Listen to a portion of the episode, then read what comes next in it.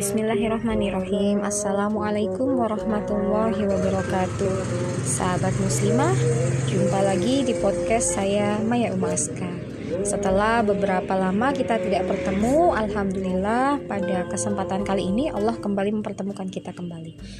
Nah sahabat Semoga Allah senantiasa memberikan kesabaran, kesehatan Dan yang paling penting adalah keteguhan iman bagi sahabat muslimah semua, terutama di dalam menjalani hari-hari di masa pandemi yang berkepanjangan ini. Baik sahabat muslimah, kita akan membahas tentang apa ya kali ini?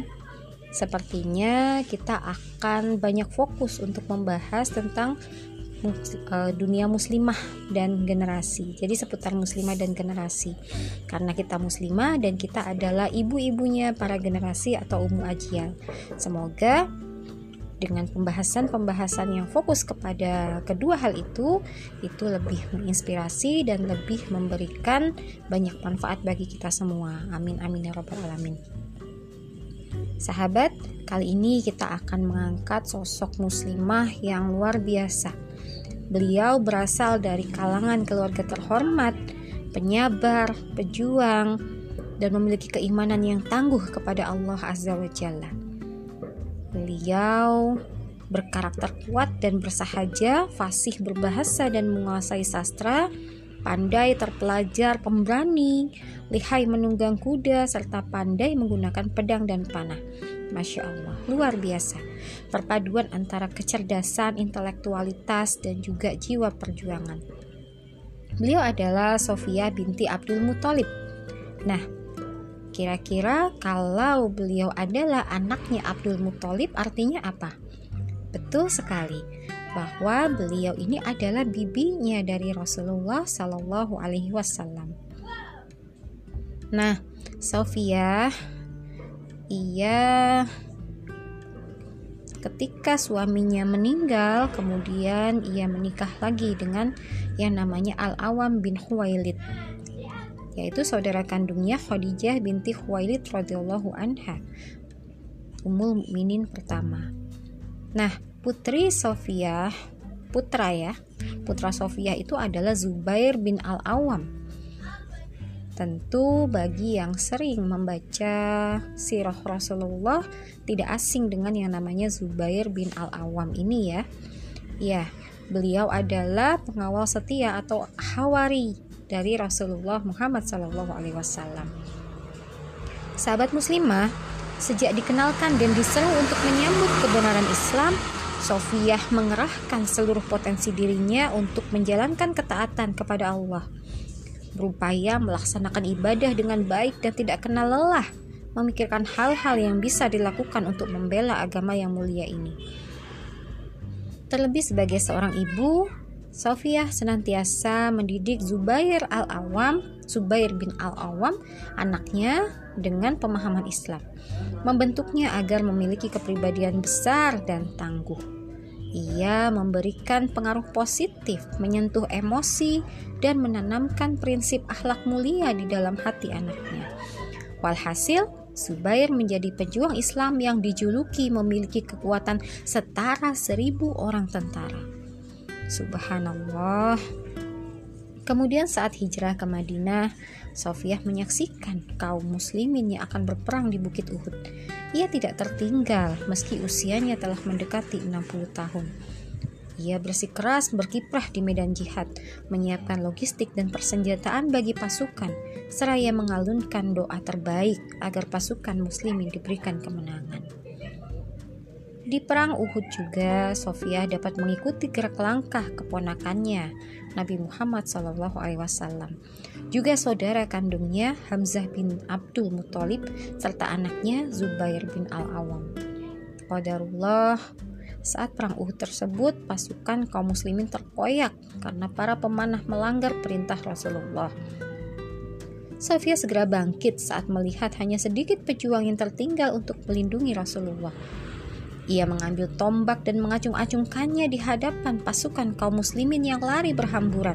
Ia berseru, "Kalian telah membiarkan Rasulullah berjuang seorang diri." Pada perang itu pula, Sofia harus kehilangan Hamzah, saudaranya. Rasulullah yang merasa iba berkata kepada Zubair, "Temui ibumu dan ajaklah ia pergi meninggalkan medan perang. Jangan sampai ia melihat kondisi saudara kandungnya." Zubair langsung menyampaikan pesan Rasulullah kepada ibundanya agar mundur dari medan perang. Namun apa jawab Sofia? Memangnya kenapa? Aku menerima kabar bahwa saudara kandungku telah gugur dan tubuhnya dirusak. Ketahuilah, bagiku hal itu terlalu ringan selama dipersembahkan di jalan Allah. Kami dapat menerima dengan lapang dada semua kejadian ini. Sampaikanlah kepada Rasulullah bahwa aku akan tetap tabah dan sabar, insya Allah. Mendengar hal tersebut, Rasulullah mengizinkan Sofia untuk melihat jasad Hamzah. Ia ikut menyolatkan, mengucapkan doa musibah, dan memohon kepada Allah agar dosa-dosa Hamzah diampuni. Keadaan ini menunjukkan kemampuan Sofia mengendalikan dirinya sebagai bentuk keimanan kepada Allah. Ia memiliki kesabaran yang luar biasa dengan kepasrahan total hanya kepada Allah. Tak hanya itu, Sofia pun menunjukkan pula ketabahan dan keberanian saat perang Khandaq. Kala itu Rasulullah Shallallahu Alaihi Wasallam menempatkan para perempuan di sebuah benteng yang paling kuat di belakang. Mendadak muncul seorang Yahudi yang berniat menyelidiki benteng tersebut. Dengan sigap, Sofia mengambil sepotong kayu, ia turun dari benteng secara perlahan, lalu menyerang dan memukul mata-mata itu hingga mati. Dengan kejadian ini, Sofiyah menjadi perempuan muslim pertama yang membunuh orang musyrik. Hari terus berlalu. Sofia tak henti berkorban untuk memperjuangkan agama dan keyakinannya dengan sepenuh jiwa raga. Hingga di suatu hari, tiba saatnya Allah memanggil Rasulullah ke haribaannya. Sofia merasakan duka yang sangat mendalam atas kepergian sang manusia terkasih tersebut namun ia tetap mengukuhkan kakinya untuk tegak memegang dan mendakwahkan Islam. Sampai menutup mata di usia 70 tahun, melepas kerinduan untuk dapat berjumpa kembali dengan Rasulullah. Kisah ini memberi teladan tentang seorang muslimah yang melenjitkan potensi dirinya. Bukan untuk kesenangan dunia yang semu, tapi dia berjuang demi Islam, menggapai kebahagiaan hakiki yang diciptakan.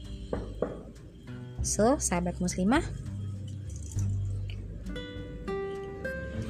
kita patut meneladani apa yang telah dilakukan oleh Safiyah binti Abdul Muthalib.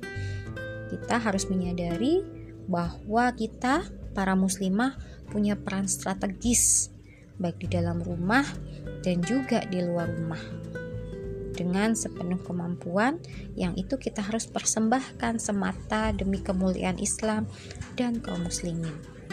Sehingga untuk itu kita harus memastikan semua aktivitas yang kita lakukan tersebut tetap dalam koridor ketaatan kepada aturan-aturan Allah Subhanahu wa taala. Wallahu a'lam bishawab. Artikel ini bersumber dari muslimahnews.com. Assalamualaikum warahmatullahi wabarakatuh.